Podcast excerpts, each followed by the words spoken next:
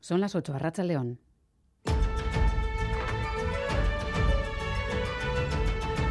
Crónica de Euskadi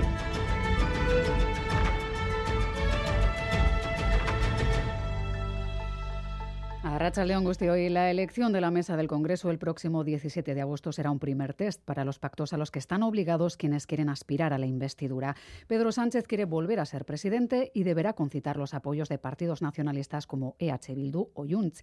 Mientras Arnaldo Otegui anunciaba que no descarta un sí para frenar un gobierno de derechas, Laura Borras ha puesto a Puigdemont en el centro de cualquier negociación.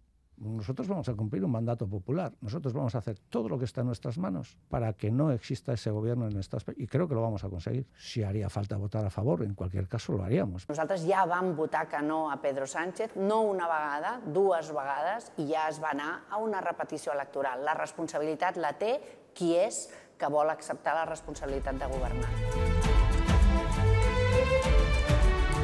Tan apasionante como complicado el panorama que tienen por delante quienes deben llegar a acuerdos para poder gobernar. Martes 25 de julio, una jornada intensa en Bilbao donde se ha producido la reunión informal de ministros europeos de consumo, industria y mercado interior. El objetivo, diseñar una estrategia común para acabar con la dependencia en materia de fabricación de productos estratégicos. Se trata de buscar una autonomía que nos aleje de la dependencia de países como China. A las conclusiones de este encuentro nos acercaremos a lo largo de este informativo, pero la jornada también nos dejaba esta voz, la del Papa Francisco hablando de la transexualidad a preguntas de un joven creyente y trans en el podcast Popecast.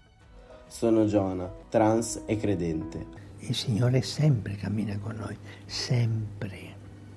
Dios siempre camina con nosotros sin asquearse por nadie ni por nada. Un mensaje que llama a abrir la mirada sin juzgar en estos tiempos en los que parece costarnos ver que el mundo puede ser de todos los colores. 25 de julio, festividad de Santiago, algo más de fresco de lo esperado, pero a partir de mañana, Ander López Lerena, vuelve el calor. Así es, durante las próximas horas la lluvia irá remitiendo y puede que en zonas del sur de Araba y Navarra se hablan algunos claros. Mañana, eso sí, volveremos a ver el sol. Comenzaremos la jornada con alguna que otra nube, especialmente en puntos cercanos a la costa, pero a medida que avancen las horas el cielo quedará completamente despejado. Las temperaturas máximas mañana, Miriam, rondarán los 25 grados. Y el fin de semana nos dejaba una nueva agresión homófoba, esta vez en fiestas de la Madalena.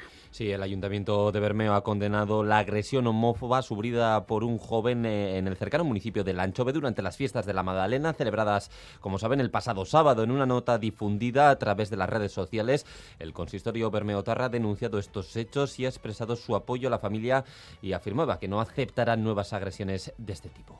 Es un saludo de Miriam Duque y de Miguel Ortiz y Pachi González en la dirección técnica. Comenzamos.